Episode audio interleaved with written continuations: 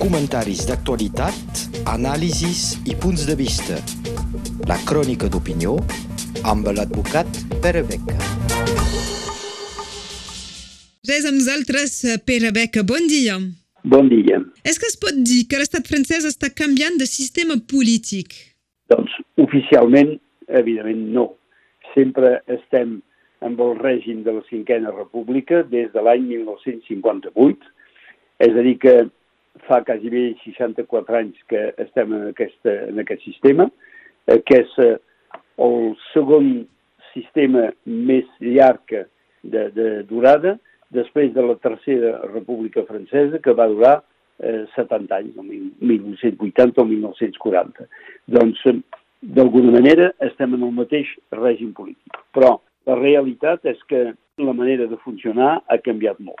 Quan es va crear la cinquena república, la Constitució va ser feta eh, a base dels principis portats pel general de Gaulle en aquell moment, és a dir, que es va fer una Constitució a la seva mida, amb l'idea que tenia la república. Un president de la república votat directament pel poble, escrutí universal, i d'això no n'existeix gaires equivalents a través del món ni als Estats Units, ni a Anglaterra, ni a Alemanya, ni a Espanya, ha aquest sistema de vot directe. I aquest càrrec principal del president de la República va lligat al fet que tenia a cuidar-se majoritàriament d'afers exteriors, la posició de l'estat francès, de defensa, i que a darrere seu hi havia un primer ministre que es cuida de, en el dia a dia de, eh, que la Constitució diu ha de conduir la política del govern i, i de l'Estat. I així va ser. Els primers ministres de, de Gaulle, Pompidou, per exemple, va ser un senyor que era un executant, i després es va crear un equilibri entre personalitats polítiques diferents, estic pensant a Valéry Giscard d'Estaing amb Jacques Chirac, eh, estic pensant amb la, eh, François Mitterrand, eh, amb Michel Rocard en certs moments, amb la cohabitació, tot això anava funcionant d'aquesta manera. Des que eh, va arribar eh, a la presidència Emmanuel Macron i, i més encara a la seva segona presidència, ja es veu que amb el mateix text de la Constitució de 1958 és el president de fet que directament es cuida de tot.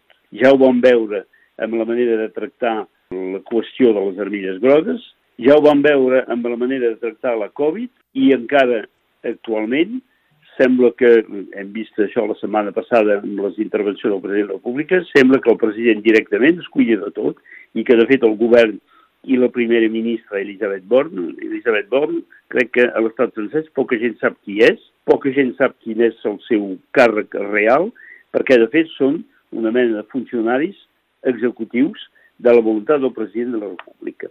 I és aquesta l'interpretació que fa que es pugui considerar que el sistema polític ha anat, si no canviant totalment, almenys evolucionant cap a un sistema directament presidencial. Penseu que és bo, que és positiu que el president de la República es cuidi de tot?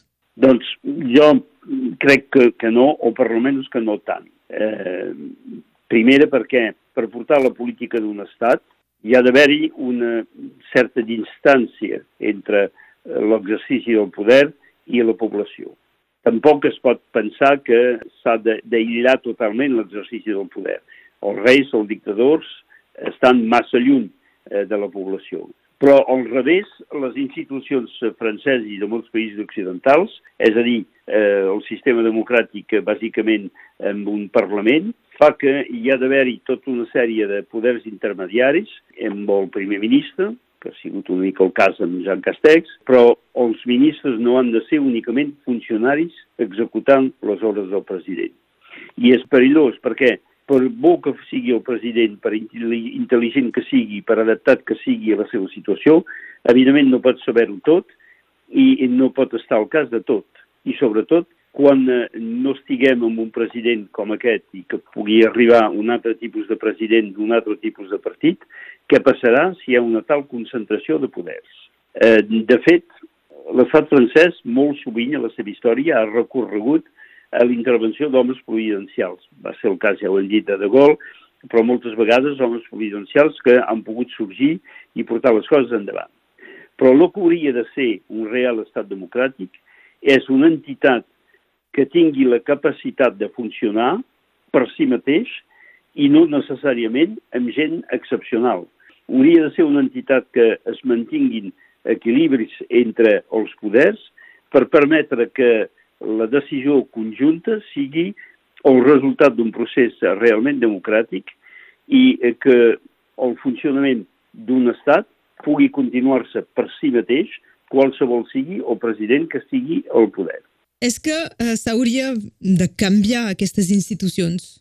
En aquests moments hi ha alguns partits polítics que ho diuen. El senyor Mélenchon fa eh, molts anys que diu que hem de passar a la sisena república sense mai explicar eh, quin tipus de república voldria. Però la, la dificultat és de trobar un compromís que sigui viable entre la necessitat de l'eficacitat política, especialment de cara als, eh, les qüestions climàtiques, les qüestions de medi ambient, les qüestions de relacions internacionals, i tanmateix de no deixar part de la població eh, que sigui eh, a la vora del camí i que miri a passar les coses. Ja veiem que una concentració molt forta del poder en certs països, estic pensant a Rússia, en Putin, eh, a la Xina també en aquests moments, que el president xinès ha, ha estat reelegit amb una aparència de democràcia, però eh, cap realitat eh, eh, política de, a través dels vots, doncs aquest equilibri que eh, s'ha de poder portar endavant, potser sí que necessitaria un nou pensament, una nova organització política, una nova definició. La Constitució del 1958 va ser elaborada en un moment que l'estat francès tenia molta prepotència, però que s'havia de gestionar la descolonització, hi havia un, un fort creixement econòmic, no hi havia realment qüestions de medi ambient en aquell moment, tot això s'ha de contemplar. L'exemple de que s'havia proposat, s'havia començat a treballar en la futura Constitució del país català, semblava prendre en compte aquesta situació, la capacitat d'integrar els migrants, la capacitat d'integrar la problemàtica ecològica. Però, sobretot, no s'ha de descuidar mai que la democràcia és un equilibri, un equilibri entre grups socials, un equilibri entre forces, un equilibri entre opcions que es prenguin per eh, portar eh, més endavant cap al progrés d'un país i la necessitat de que aquest equilibri es pugui expressar en condicions organitzades perquè no hi hagi una part que prengui eh, sobre de les altres. I això és el que és difícil i és la feina que hem de portar endavant en aquest segle XXI. És el que podíem uh, dir i comentar avui en companyia del Pere Beca. Moltes gràcies. Gràcies a vosaltres i fins a la pròxima. Que vagi molt bé. Adéu, bon dia. Bon dia. Comentaris d'actualitat, anàlisis i punts de vista. La crònica d'opinió amb l'advocat Pere Beca.